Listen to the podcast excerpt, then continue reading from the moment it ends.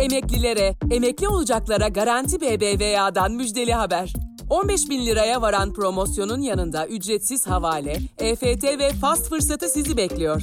Hemen Garanti BBVA mobili indirin, maaşınızı taşıyarak fırsatları keşfedin. Ayrıntılı bilgi garantibbva.com.tr'de. Bugün bu salgının bir aşısı yok. Hasta bulunmaması, çok az hasta bulunması bir dezavantaja dönüştü.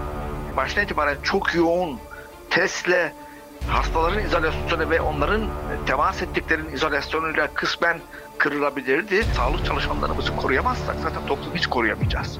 Bu sağlıktaki piyasacı dönüşüm esas olarak yani tedavi bazlı, hastane bazlı bir olay ortaya çıkartmıştır. Çünkü eğer siz hastane temelli yaparsanız, lüzumsuz harcamayı çok yaparsınız. Bu açıdan eleştirebilir bizim sağlık sistemimiz.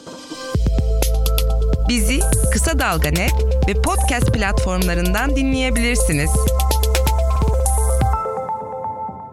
Merhaba, Kısa Dalga'da bugün yine bütün dünyanın buluştuğu, tek gündemde e, eşlendiği değil ama buluştuğu koronavirüs konusunda göğüs hastalıkları uzmanı Profesör Doktor Zeki Kılıç Aslan'la konunun değişik boyutlarını konuşacağız. Zeki Hocam merhaba. Merhaba. Bütün dünya sadece ülke değil bu gündemde buluştu. Çaresiz dünya bir bakıma işte aşısı ve ilacı henüz bulunamadığı için Ülkeler işte ulus devlet sınırlar içerisinde çözümler bulmaya çalışıyorlar. Ee, kim ne kadar yapıyor, başarılı başarısız örnekler var. Bütün bunlar da işte genel hatlarıyla konuşalım istiyorum. Hocam bugün durum nedir? İktidar adına süreçte sözcülüğü üstlenmiş görünen Sağlık Bakanı'nın çizdiği tablodaki gibi hani zor ama kontrol altında bir tablo mu? Yani bakan meclisteki bilgilendirme konuşmasında Çin'deki ve sonra İran ve İtalya'daki süreçleri yakından izledikleri, gerekli hazırlıkları ve tedbirleri aldıklarına ilişkin sözler söyledi hep en başından beri. Ee, yani onun söylediği ve büyük ölçüde de güven telkin ettiği, edebildiği topluma gibi kontrol altında mı yoksa bazı uzmanların uyarılarında dediği gibi Türkiye maalesef İtalya olma eşiğinde mi? Nedir hocam? Evet yani Türkiye'nin bazı konularda e, önceden bir şeyler yapmaya çalıştığını biliyoruz, izledik. Fakat e, başka yapılan hatalarla beraber durumun kontrol altında olduğunu söylemek çok zor. En azından şu anki gidişata baktığımız zaman hani Türkiye tabii ki İtalya olmasını istemiyoruz. İspanya, İtalya gibi. Ama en azından şu anki veriler o noktaya doğru gittiğimizi konusunda e, bizi kuşkulandırıyor, bizi e, uyandırıyor. Evet. Nasıl veriler şöyle, hocam? Şöyle söyleyebiliriz. Bu olay Çin'de başladı. Tabii ki aslında biz bütün bilgiye sahip değiliz. Başlangıçta da hani bulaştırıcılık hızı konusunda ve diğer konularda fakat hani otoritenin, kamu otoritesinin bu bilgileri vardı. Bence hani yapılan en önemli şeylerden bir tanesi eksikliklerden İran meselesi var. İran'da bu olay hızlanma başlandığı andan itibaren biz İran e, konusunda e, gerekli radikal önlemler alınamadı. Hem uçaklar açısından hem de e, ki hala daha düne kadar devam eden karasal geçişler yönünde alınamadı ve biz bunun o dönemde Türkiye'de bu hastalığı yaydığı konusunda da bilgi sahibi olamadık. Çünkü test yapılmadığı için Doğu illerinde özellikle İran'la yakın ilişkisi olan illerdeki hastalananları veya o hast bu hastalığa ölenlerin hakkında hiçbir bilgi sahibi değiliz. Ama mesela oradaki arkadaşlardan, hekim arkadaşlardan aldığımız bilgiye göre son aylar içerisinde kronik yaşlı hastalarda, koa hastalarında, kalp testi hastalarında pneumoniye yani zatürreye bağlı ölümlerin arttığını söylüyor arkadaşlar. Tabii ki bunların hiçbir test yapılmadığı için biz gerçekten korona mı değil mi bilmiyoruz ama e, bu bir İran olayı var. İkincisi yine Batı ülkelerinden yani Avrupa ülkelerinden girişler konusunda da sıkı önlemler alınamadı, sıkı tedbirler alınamadı. O insanların karantinası söz konusu olmadı son zamanlara kadar. Bu da belli bir dönem geçişleri artırdı. Yine bugün gördüğümüz gibi aslında birçok bilgilerde de bunu görüyoruz. Şu anda bazı köylerde bile karantina uygulanıyor. Bu köye nasıl gitmiş olabilir? Türkiye'nin her tarafına bir anda bir yayılım söz konusu olabilir. Hatta bazı şeyler de çıkıyor. Mesela diyelim ki Konya'da fazla olduğu söyleniyor mesela. Nasıl olabilir bu? Gerçekten bu e, Umre olayı bir problem yarattı. Son gelişlerden önceki gelişlerde ciddi tedbirler alınmadı. Bu da hani büyük kentler dışında Türkiye'nin dört bir tarafında bir sorun oluşturdu diye düşünüyoruz. Göçmen hareketliliği oldu bir biliyorsunuz. Evet. Göçmenler sınıra taşındı. Şimdi gerçi tekrar bu tarafa taşındılar. Yani bu da bir problem oldu. Dolayısıyla buralardan yayılmayla beraber şu anki rakamlar e, kötü gidiyor. Öyle söyleyebilirim. Genel gidişat bu. E, tedbirler konusunu soruyorsanız. Tedbirler konusunda mesela test dediniz işte evet, İran bahsinden söylerken. Dünya Sağlık Örgütü işte açıklamasını yaptı. Test, test, test, daha fazla test diye. Evet. Şimdi şöyle bir salgın var. Bu salgını yani en basit olarak zaten bugün bu salgının bir aşısı yok. İkincisi hani çok etkili ilaç olsa gene tabii ki salgınına göre davranmalıyız ama hani ilaçları çok etkili ilaçlar olsa o açıdan da hani ona önem veren bir politika izleyebilirsiniz. Bu ikisi de yok. O zaman temel kural birçok tarihte de olduğu gibi bugün de aynı şekilde bu bir salgın konusunda hızla ilerleyen insandan insana geçen bu salgın konusundaki temel şey ne olabilirdi? İzolasyon. Yani hastanın saptanması ve bunun sağlıklı insanlarla temasının önlenmesi. Şimdi siz eğer bir hastayı erkenden saptayabilirseniz ve e, bunun temas ettiklerinizde hemen tarayabilirseniz, onlar içinde de bulaşmış onları hemen bulup onları da izole ederseniz olayı belli bir yerde sınırlayabilirsiniz. Bu bir birey bazında, aile bazında olabildiği gibi bir kasaba bazında da olabilir. Bir kasabada bir kentte çok yüksek mesela Wuhan eyaletindeki gibi Çin'de çok yüksek bulunduğu zaman ne yaptılar? Wuhan'ı kapattılar. Ülkenin diğer kesimini evet. izole ettiler. Evet. Veya tek kişide veya tek bir ailede de olabilir. Şimdi bunun için tabii ki yaygın test kullanılması gerekiyordu. Siz test yapılma kurallarını çok dar tutarsanız ki başlangıçta bu yapıldı. İşte ateşi olacak, şusu olacak, bu olacak, şu şu şu ülkelerden gelecek gibi yaparsanız o zaman çok az test uygularsınız.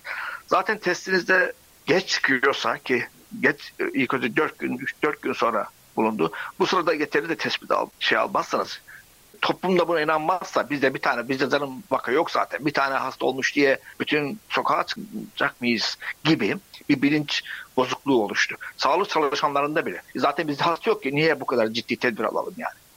Dolayısıyla siz baştan itibaren hastaları bulup bunu ortaya koyduğunuz zaman bu her açıdan hem sağlık çalışanı açısından sistem açısından ve toplum açısından çok daha da ciddiye alınabilirdi. Bu açıdan hastası uygulanması ve e, hasta bulunmaması, çok az hasta bulunması bir dezavantaja dönüştü.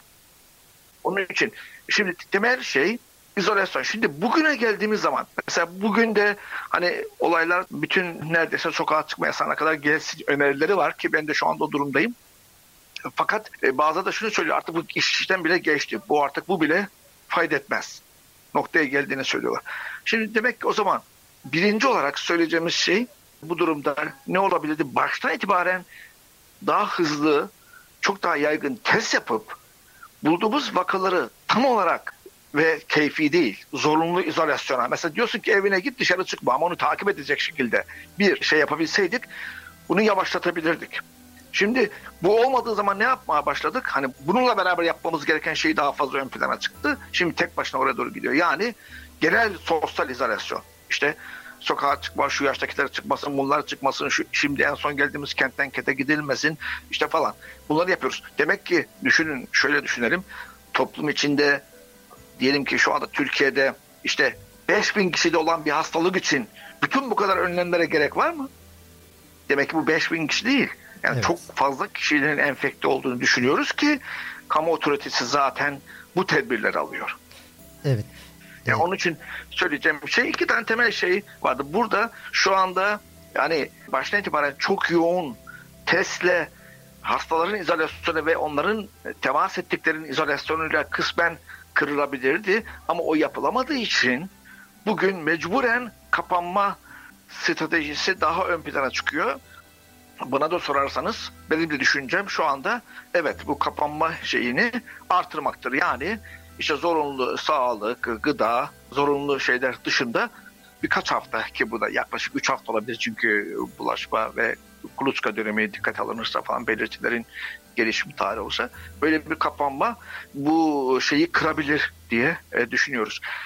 Bey önlemlerle şu anda olduğu gibi yürüdüğümüz zaman aslında bunun etkisi daha fazla olacaktır diye düşünüyorum. Burada tabii ki ekonomi çok önemli. Siz insanlara 3 hafta, bir ay kapanın dediği zaman bunun ekonomik şeyini karşılamak o alana zorundasın. gelmeden, işin ekonomik, sosyal yönden Evet. kısmına Yok yok gelmeden bunu yapmak zorundasın ama ba- başka kaçınılmaz şey yok çünkü bunu yapmazsak daha büyük bir zorlukla karşılaşacağız ekonomik olarak bunu söylemek istedim. Evet. Evet. Bu konuda sizin söylediklerinizi destekler şekilde birkaç bilgi vermek istiyorum. Ben de biraz hani bu test meselesini inceledim. Evet. Şimdi örneğin başarılı uygulamalar Güney Kore örneğin. Evet. Ee, işte 20 Mart itibariyle 316 bin test yapmış. Yani milyon kişi başına 6305 test düşüyor. Evet. Ve kontrol altına aldı. Ee, Evet. Almanya 26 Mart itibariyle 410 bin test yapmış. Kişi başına 4910 test. Türkiye işte son e, günlerde görece artış olsa da yine de 55 bin. Dün itibariyle 55 bin 464 Yani test. Almanya ile aynı nüfustayız. Almanya'nın 10 katı azız. Evet yani şöyle e, bizde milyon kişi başına 667 test, Evet. Almanya'da 6305 Evet. test. Tam 10 kat. Bir şey daha var hocam. Şimdi Almanya bunu zamanında yapmış. Şimdi İtalya örneği Evet. var mesela. İtalya 21 Mart itibariyle 233 bin test yapmış. Yani o da bizim çok üzerimizde. Milyon kişi başına 300 3830 test yapmış ama gecikmiş. Gecik. Evet. Yani belli bir yayılmadan sonra artık Sonra test e, için biraz daha dediğiniz Evet. gibi bir de hani takibi zor oluyor. Bir başka şey daha söyleyeceğim. Bu sanırım bilim kurulu o hani protokolü belirliyor. Hani kimlere ta- test yapılması mevzunu ama Evet. bu protokole bile tam uyulmadığına ilişkin çok yaygın şeyler var. Yani işte yurt dışı teması olan işte şu şu şu semptomları gösteren çok kişinin test yapılmadı. Zaten Evet. işte şeyler diyor hastaneye gelmeyin mesela o çok fazla örnek var. Yani hastalık Evet. var arıyorsunuz gelme. Ne zaman gel işte iyice ağırlaşırsa solunum güçlüğü de çekersen. Yani ateşin var iki gündür üç gündür gelme. Niye? Çünkü test yapılamıyor veya işte hastalık bulgularının çoğu olmasına rağmen evine yollanan. Yani test yapılmadan evine yollanan Sadece örnekler onlar var. değil. Hastanede bile sağlık çalışanlarına uzun müddet test yapılmadı. Evet. Yani evet. bırakın vatandaşı. Yani dolayısıyla çok az test uygulanabildi. Bu da bizim hani gerçeği görmemizi engelliyor. Gerçeği görüp ona göre politika geliştirmeyi engelliyor diye düşünüyorum. Şey konusu ne olabilir hocam? Şimdi Sağlık Bakanı 19 Mart'tı. Yarın itibariyle hızlı tanı kiti devreye girecek ve günde ortalama 10-15 bin test yapacağız demişti. Ama testle problem çıktı onun için yapamadılar onu. Onun için. Evet, evet. ha, sebebi o. Evet test çok kötü çıktı onun için onu kullanmıyorlar. Eldeki var olan testten daha fazla üretip onu geliştiriyorlar. Onu yaygınlaştırmaya çalışıyorlar şu anda evet. Belli hazırlıklar yapıldı dediniz. Hani hiç yapılmadı değil, yapıldı. Tabii ki. Ee, fakat en çok şikayet edilenlerden birisi e, koruyucu ekipman sıkıntısı. Yine Evet. bizim kısa dalgada Nazan Özcan çok iyi bir podcast yapmış. Sağlık çalışanlarıyla görüşmeler yapıp onların şikayetlerini. Çünkü bir de şöyle bir durum var şimdi böyle şikayetler var. Fakat e, evi baskı ortamı da var ve insanlar açık ismiyle bu şikayetlerini belirtemiyor. Diğer taraftan işte Sağlık Bakanı'na bu sorulduğunda e, biz her yere yolladık, şu kadar yolladık, bu kadar yolladık dedi. Bu koruyucu ekipman meselesi hocam nedir? Hem sizin kendi Evet. tecrübenizden, hastanenizden hem de diğer Tabii ki. duyduklarınızdan. Yani şöyle şimdi koruyucu ekipman meselesinde başlangıçta özellikle çok büyük bir eksiklikler olduğu apaçık yani bir sürü hastaneden gelen veriler çok eksik. Aslında bu da çok beklenmeyen bir şey değil. Çünkü Türkiye'de genel olarak çalışan sağlığını, işçi sağlığını düşünürsek yani iş kazalarını düşünün, meslek hastalıklarını düşünün. Ha, orada ne yapılırsa sağlık çalışanlar için de böyle. Yani bu ekipmanlar hele ki böyle bu bulaştırıcı bir hastalık için kullanılacak ekipmanlar çok fazla ekipman ihtiyacı var ve hele ki bunlar kara borsaya düşmüşken inanılmaz derecede pahalanmış. Yani, yani 0.3 olan şey 5 liraya falan çıkmış yani. Düşünün. Evet. Bu bir, bu çok ihtiyaç var. İkincisi belli panik e, nedeniyle gereksiz kullanım da var gerçekten. Yani bütün bunlar talebi çok artırmış durumda. Bazen yani gereksiz kullanım var. Bir yanda da asıl kullanması gereken yerlerde ihtiyaç var. Yani e, yatırım yapılması, para harcanması gerekiyor. Bu nasıl kazaları önlemek için, meslek hastalıkları önlemek için belli bir yatırım gerekiyorsa burada da bunun için büyük yatırım gerekiyor. Dolayısıyla böyle problemler olduğu apaçık. Ama bugün bu çok daha da önem kazanmış durumda. Çünkü eğer sağlık çalışanlarımızı koruyamazsak zaten toplumu hiç koruyamayacağız. Ve bütün dünya deneyimleri gösteriyor ki çok sayıda doktor, hemşire, diğer sağlık çalışanları herkes hasta oluyor. Eğer bunu iyi yapamazsak bunların hastalanması, bu çalışanların devre dışı kalması ve toplumun daha da çaresiz bir duruma gitmesi söz konusu. Onun için ne yapıp yapıp en iyileri şekilde, en fazla şekilde koruyucu tedbirleri almamız gerekiyor. Bu harcamayı yapmamız gerekiyor toplum olarak, devlet olarak. Çünkü toplumun sağlığı çok daha büyük tehlike girecektir. Yani bunun için yetersiz olunabilir, malzeme üretilmemiş olabilir ama bunun için toplumsal kampanya yapmakta, halktan destek istemekte hani bir problem yok. Bence fazlasıyla karşılanmazsa tersine bir durum söz konusu olabilir. Hocam bu kritik bir şey ve işte bakan kendisi söyledi. Daha önce 14 kuruş aldığımız maskeyi bakanlık olarak Evet. 3-3,5 liraya Evet. alamadığımız dönemleri gördük falan dedi. Şimdi burada hani şu da ilginç değil mi? Biraz olağanüstü yönetim e, yetkileri. İşte nedir? Genel Evet. sağlık, ulusal güvenlik. E, tabii yani grevi Şimdi bunları grev- burada evet. alamıyorsunuz değil mi? Evet, grev ertelemelerinde çok rahat bu refleksler çalışırken üstelik öyle bir şey hiç olmadığı halde. Şimdi Evet. tam da kullanılması gereken, gerçek anlamda genel sağlığı ilgilendiren bir yerde bu kamusal tedbirlerin alınmamasını neye bağlıyorsunuz? Evet evet yani gerçekten burada da bir tercih söz konusu. Yani iktidar çok fazla rahatsız etmedi, etmek istemedi bazı kesimler ama etmek zorunda. Dediğimiz gibi bu doğrudan doğruya halk sağlığını tehdit eden büyük bir şey. Yani bu tarihsel bir olay. Yani böyle olaylar biz e, işte ne zaman karşılaşılmıştı düşünün işte bizim bilmediğimiz ama okuduğumuz İspanya gribi dedikleri Birinci Dünya Savaşı değil mi? Yıllarında. Yani ondan sonraki en büyük olay bu. Dolayısıyla burada her türlü kamulaştırma, el koyma, yönlendirme gerekiyor. E, Zaten bu olmazsa yürümez de. Bakın bugün özel hastaneler de yoğun bakımlar var. Onlar da Covid hastanesi, pandemi hastanesi ilan edildi. E peki nasıl sürdürecekler bunu? Orada da çalışanların problemleri var. Zaten kendileri söylüyorlar. Gönüllü kamulaştırmaya razılar. Tabii onlar şey diyorlar. Birkaç haftaya aslında birkaç ay bu olay boyunca. Ama bu tip olağanüstü önlemler alınması gerekiyor. Başka bir çıkar yol yok. Hastanelerin hazırlanması konusunda da mesela Evet. başka tedbirler yapılabilir miydi? Müstakil hastaneler hazırlanabilir miydi? Hastaneler Hazırlanmalı bazında- mıydı? tek başına hastaneler bazında değil de sağlık sistemi olarak almak lazım. Bakın aslında bugünkü tip olaylar bize şunu gösteriyor. Biz bu olayı sadece hastane bazında ele alamayız. Yani sağlık sistemi bütününü düşündüğümüzde birinci basamaktır esas olan. Eğer bizim gerçekten yetkin yetkili ve aynı zamanda yetkin olan bir birinci basamağa dayalı sağlık sistemimiz olabilseydi tabii ki test uygulamalarıyla birlikte birçok insanın hastaneye gitmesine gerek olmadan kendi bölgesinde, evinde kalabileceği ve aynı zamanda yakın takip edilebileceği gerekli olanların gerekli hastaneye sevk edilebilecekleri bir sistem oluşturabilirdi. Ama bu sağlıktaki piyasacı dönüşüm esas olarak yani tedavi bazlı, hastane bazlı bir olay ortaya çıkartmıştır. Bakın bugün aile hekimleri kimsenin aklına geliyor mu şu anda? Ne oluyor diye. Halbuki çok yaygın bir ağ var.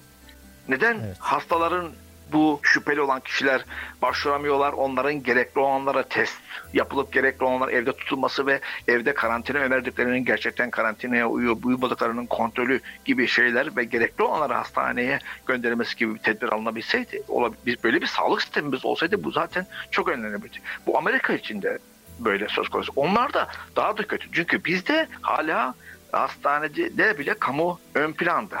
Kamunun altyapısı iyi Türkiye'de. Eğitilmiş e, hekimlerimiz var, hemşirelerimiz var, diğer sağlık çalışanlarımız var. Hepsi var. Artı e, örneğin e, yoğun bakım yatağı açısından da nüfus bazlı baktığımız zaman çok iyiyiz. Yani bu açıdan böyle bir şeyimiz de var. Yani biz hastanelerimiz buna bu tip bir şeye hazır değil diyemeyiz bütün olarak. Ama mesela sağlık çalışanlarının korunması konusunda böyle salgın olmadan da birçok alanda böyle yapılması gerekiyor. Bu anlamda bir eksiklik içine düştüğümüz talep arttığı zaman bunu hemen karşılanamadığı ortada. Ama bir kamu sağlık altyapısı olarak hastanecilik olarak, ben iyi olduğumuzu ama birinci basamağın çok geri planda kalması nedeniyle bütün yükün hastanelere yüklendiği aslında sadece bugün için değil genel olarak sağlık için hastanelerin yükünü arttığı ve harcamaların gereksiz şekilde çok arttığını biliyoruz. Çünkü eğer siz hastane temelli yaparsanız lüzumsuz harcamayı çok yaparsınız. Bu açıdan eleştirebilir bizim sağlık sistemimiz. Yine başka bir şey daha söyleyeceğim. Aslında bizim burada iktidar eleştirebileceğimiz belki daha önemli bir şey var. Bu şeffaf olmaması, bütün tarafların böylesi büyük bir ulusal, küresel konuda bütün gücünü ortaya koymaması, hatta devletin bir belli alanları dışlaması. Örneğin belediyeler devlet değil mi? Yani belediyeler de kamu e, görevlisidir. Birkaç gün önce yapılan toplantıya İstanbul'da örneğin Büyükşehir Belediyesi Başkanı bile çağrılmadı. Düşünebiliyor musunuz? Yani bu tip tutumlar yine bu Türkiye çapında sağlık çalışanların ön planda olduğu bir olayda siz sağlık çalışanların temsilcilerini, hekimlerin, diğer sağlık temsilcilerini herhangi bir görüşünü almıyorsunuz. Onlarla diyalog içinde değilsiniz. Şeffaf değilsiniz. Toplumun bütün gücünü, entelektüel gücünü ve insan gücünü olayda kullanmıyorsunuz. Bunu eleştirebiliriz. Bu da Türkiye'deki bu klasik e, hani ne gerekiyorsa biz yaparız. Biz size söyleriz. Bunu yapın. Hani otoriter, katılımcı olmayan bir yönetim anlayışından kaynaklanıyor. Dediğiniz gibi belediyelerle böyle bir ilişki yok. Hatta bazen karşı karşıya gelebiliyor. İşte muhalefet belediyesi ise. Düşünün bakın bir tane vefa vefa organizasyonu var değil mi? Hani sosyal 65 yaş ve üstünü desteklemek için sosyal destek. Evet. Bu vefa organizasyonunda düşünebiliyor musunuz? Yani hangisi ön plandadır sizce? Belediye mi merkez idare mi? Tabii ki belediye yani, olması Yerel gerekir. yönetim. Abi. Yerel yönetim olması gerekir. Ama orada ismini bile geçirtmek istemiyorlar belediyelerin. Çünkü belediyeler başka parti. Yani böyle bir şey olabilir mi? Hayata kulak ver. Kulağını sokağa aç. Haberi duy. Haber podcastle buluştu. Kısa Dalga Podcast. Evet yani iktidarın bu büyük krizde de mevcut çizgisinde bir değişiklik ortaya çıkaramadı bu krizde. Yani bazen insanlar öyle umutlanıyor. Yani böyle bir şey olunca acaba... Sinerji yaratması gerekiyor. Dünkü işte evet. hani sanki merkez idare bu iş yapamıyor da başkaları devreye giriyor gibi ama e, bu yani ne demek merkezi zaten hepsi bir bütün. Hepsi bu toplumun, bu milletin, bu devletin hepimizin ortak gücü. Bunun entelektüel olanından da insan gücünde de mali gücünde de yararlanacaksınız. Dünkü İstanbul için söylüyorum. Dünkü ben aynı zamanda İstanbul'da Büyükşehir Belediyesi'nin kurduğu bu konuyla ilgili bilimsel ve sosyal politikaları tartışan kurulu içindeyim. E, dünkü valilikte yapılan toplantıda bütün taraflar çağrıldı ve konuşuldu. Bu açıdan olumlu bir adım atıldı ama mutlaka böyle olması gerekiyor ve devam etmesi gerekiyor. İktidarın tavrı maalesef hani değişmedi. Yine yetkiyi tek elde toplayan, bilgiyi şeffaflıkla paylaşmayan ve eleştirilere kendisinden olmayanlara karşı da e, yok sayan hatta bazen de düşmanca e, tepkiler bile veren. Mesela Mardin Tabip Odası Başkanı'nın ifadeye çağrılıyor. Hani bırakalım ortak olması eleştiriler noktasında. Pekala bu süreçte hani hem ekonomik sosyal olarak hangi tedbirler alınır diye o konuya geleceğim ama hem de buraya geçerken hocam muhalefet bu süreçte çünkü bu kriz süreçleri nihayet diyelim ki iktidar bunu yapamıyorsa muhalefet evet. seçeneklerini ortaya koyabilir. O yol gösterebilir. Toplumda o hani çözüm gücü olarak kendisini aday olarak ortaya çıkarabilir ve çözümün önünü açmak noktasında yardımcı olabilir. Muhalefetten de böyle bir şey sanırım göremedik bu evet. beceriyi. Şimdi şöyle söyleyeceğim. Muhalefet derken politik olarak baktığımız zaman hani muhalefetin e, bu konudaki elindeki araçlar ne olabilir? Çünkü hani doğrudan doğruya sağlık olayı bu ve sağlıkta şu anda yani en küçük bir şey bile yapabilmek için merkezi otoritenin kararı gerekiyor. Yani şu anda siz hastane elinde paranız olsa, milyar milyar dolarınız olsa hastane kurup insanlara bakamazsınız yani. Bu merkez otoritenin evet. gerekiyor. Bu açıdan ne olabilirdi? Hani sosyal destek işte belediyeler olabilirdi. Şu anda da e, belediyelerin demin konuştuk belediyelerin devreye girmesi konusundaki eksiklikler ama buna rağmen özellikle sosyal destek konusunda belediyelerin yaptıkları olumlu şeyler var. Ankara Belediyesi'nin, İzmir, İstanbul yani bunlar yapabildik. Şimdi yani bunlar daha fazla yapılması gerekiyor. Dediğim gibi bunun için de tabii ki işbirliği gerekiyor. Bu araçla muhalefet devreye girebilirdi. Kısmen bu araçta girdi. Şimdi politikaları kim karar veriyor? Bir bilimsel kurul var. inceliyor, bilimsel komite inceliyor ve hükümete öneriler sunuyor. Hükümet de bunlardan bir kısmını yapıyor, bir kısmını yapmıyor. Hani böyle gidişat çünkü sonuç olarak karar merci, hükümet bilimsel e, kurul karar merci değil. Şimdi muhalefet ne yapabilirdi? Alternatif bir bilim kurulu mu kurabilirdi? Belki bu muhalefetin yani siyasi muhalefetin işi mi yoksa aslında bilimsel tarafların işi mi? Bana sorsanız bunu muhalefet değil, bana sorsanız bunu aslında hepimizin içinde bulduğu bir hekim olarak söylüyorum. E, mesela uzmanlık dernekleri yap yapması gerekir, yapabilirdi diye. Ama o zaman da belki diyeceksiniz ki iki başlı bir şey mi? Onlar böyle açıklıyor, onlar böyle açıklıyor. Ama farklı farklı bilimsel odaklardan farklı önerilerin ortaya çıkmasında bir sakınca yok. Zaten karar alıcı devlettir. Yani siyasi erktir. Dolayısıyla burada bir sorun görmüyorum. Yani bunu aslında yapması gereken belki de uzmanlık dernekleriydi, meslek dernekleriydi. Yani biz alternatif bir bilimsel söz. Ama bunların tabii ki doğru bilimsel politik üretebilmeleri için bilgiye ihtiyaçları var. Orada şeffaflık olmadığı için de problem var. Yani herhangi başka bir bilimsel kurulun elinde yeterli bilgi olmazsa nasıl doğru karar alacak? Burada da sorun var. Yani böyle durumlarda bu olmaması lazım. Böyle durumlarda bilgi şeffaf olacak. Resmi bir bilim kurulu olabilir. Tabii ki olsun. Çok iyi, iyi de çalışıyor arkadaşlarımız. Bence gayet de güzel çalışıyorlar. Önerilerinin yüzde kaçı siyasi otorite gerçekleştiriyor, gerçekleştirmiyor. Bu ayrı bir konu ama pekala bilginin tamamen şeffaf olması lazım ve başka bilimsel çevrelerinde uluslararası veya ulusal bu bir insanlık problemi olduğuna göre politika üretmesine yardımcı olması gerekir. Yani ne olur başka öneriler de ortaya çıkabilirdi. Bilimsel öneriler bunlar da zarar değil kar verebilirdi. Çünkü sonuç olarak nihai kararı hükümet veriyor. Peki yani şu mümkün değil miydi hocam? Şimdi eğer iktidar, hükümet şey yapmıyorsa, örneğin Tabipler Birliği'ni bu sürece dahil etmiyorsa, işte belediyeleri bu sürece dahil etmiyorsa, dediğiniz evet. gibi hele uzmanlık örgütlerini, dernekleri vesaire e, evet. hiç bu anlamda yer olmuyorsa, şimdi muhalefet bütün bu kesimleri örneğin bir yerde buluşturabilir miydi? Yani hani bir ikilik yaratmak vesaire için değil. Eğer iktidar hani buraları dışarıda bırakıyorsa onların tamamlayıcı olması anlamında da olur bu hem.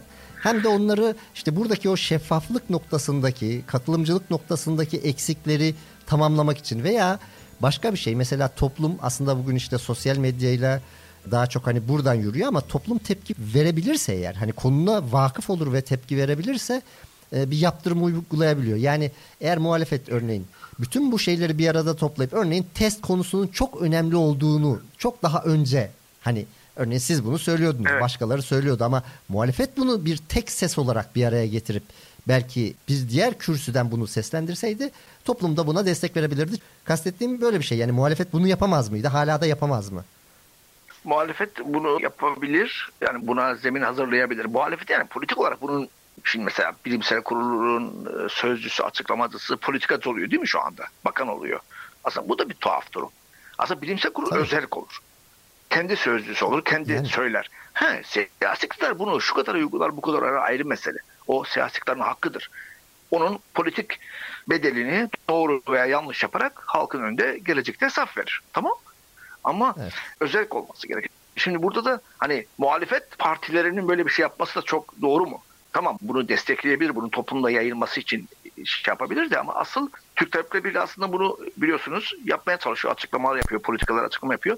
Belki daha büyük organizasyonlar, diğer uzmanlık dernekleri beraber ulusal bir sivil bilimsel e, odak oluşturabilirdi. Fakat burada da şöyle problem var. Türkiye'de bildiğiniz gibi çok problemler var. Yani devlet dışında bir şey yapmak yani devlet her şeye, hükümetler, siyasi iktidar her şeyi eline almış durumda. Yani şu anda herhangi bir uzmanlık derneği mesela resmi olarak hükümetin politikalarına aykırı bir şey söylediği zaman belli bir bedeli, çok büyük bedelleri göze almak zorundalar.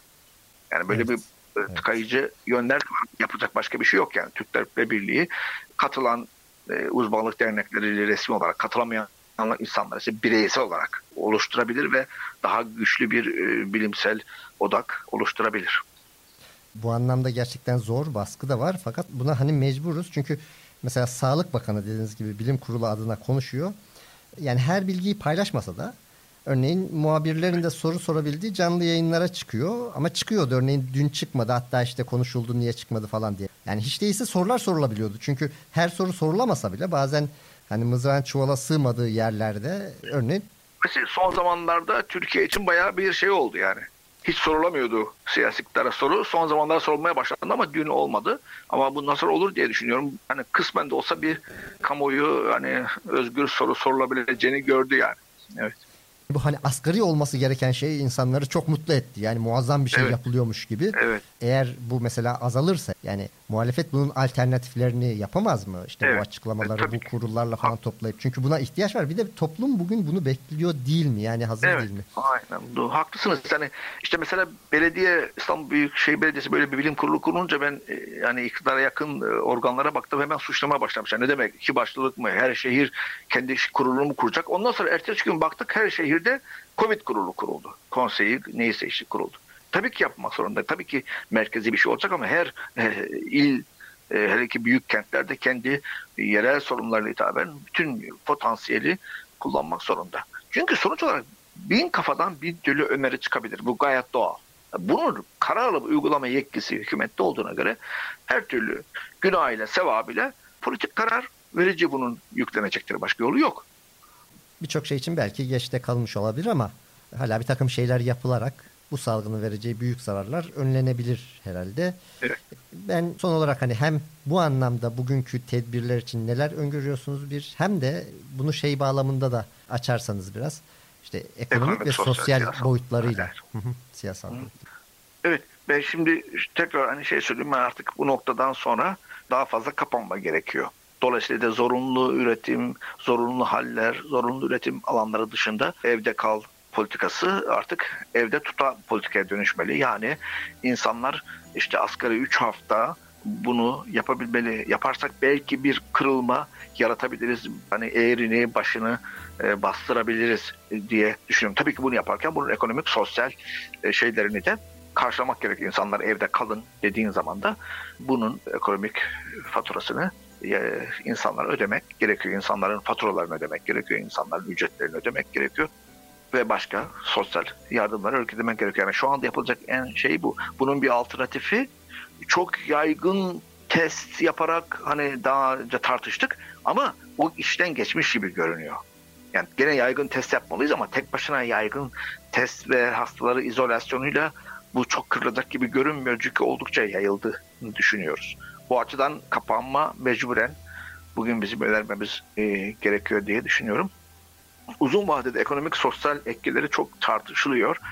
Aslında bu demin de söylediğim gibi tarihsel bir olay. Bu tip olaylarla çok az karşılaşıyoruz. Birkaç krizi baktığımız zaman diyelim ki 11 Eylül falan gibi onlar geçici e, bir dönemde var olan dünya sistemi içerisinde bir takım değişikliklere yol açtıysalar da hani sistem açısından tolere edilebilir kalıcı değişikliklere çok fazla yol açmayabilirler de kısmen de açtılar aslında. Düşünün 11 Eylül'ün güvenlikçi politikalarının ne kadar sürdüğünü biliyoruz.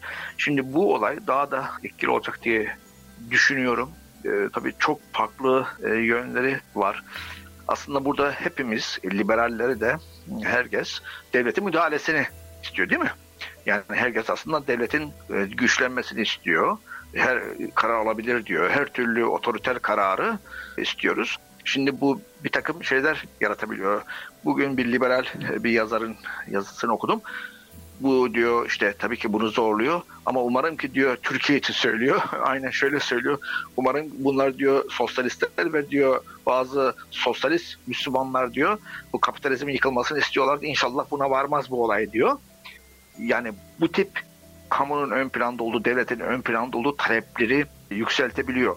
Hani bu bu açıdan da var işte yani kapitalizmin aşılabileceği şeyini doğurabilir ama öte yandan eğer toplum gerçekten toplumun elinde güç yok da toplum organize değilse, sivil toplum organize değilse, toplum e, her açıdan organize değilse tam tersine otoriterliğin de zemin olabilir.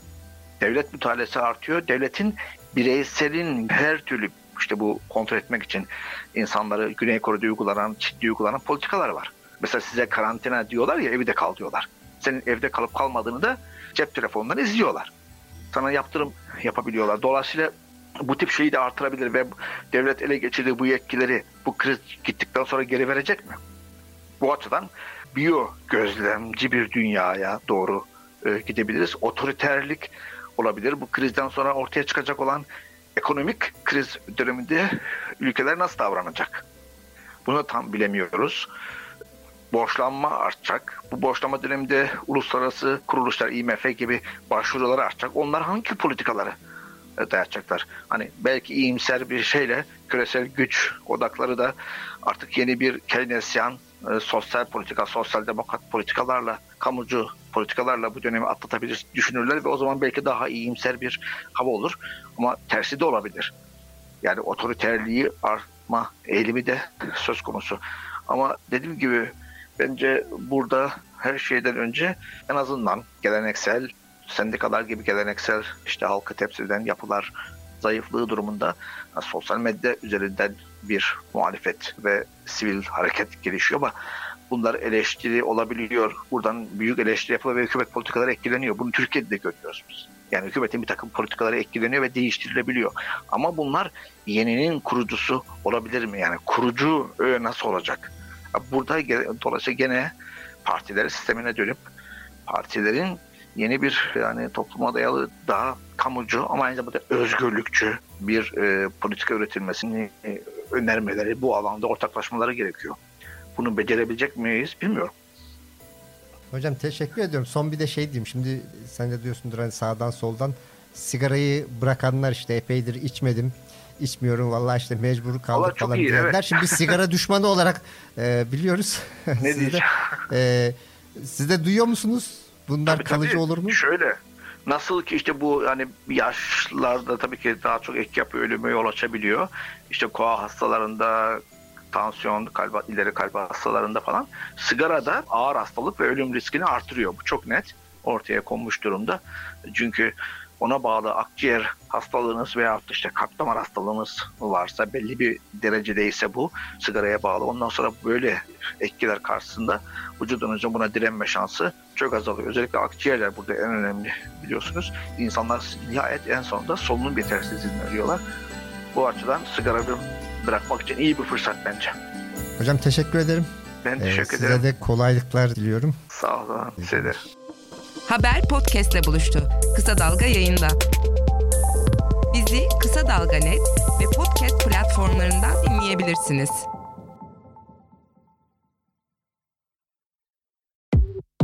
Emeklilere, emekli olacaklara Garanti BBVA'dan müjdeli haber. 15 bin liraya varan promosyonun yanında ücretsiz havale, EFT ve fast fırsatı sizi bekliyor. Hemen Garanti BBVA mobili indirin, maaşınızı taşıyarak fırsatları keşfedin. Ayrıntılı bilgi Garanti BBVA.com.tr'de.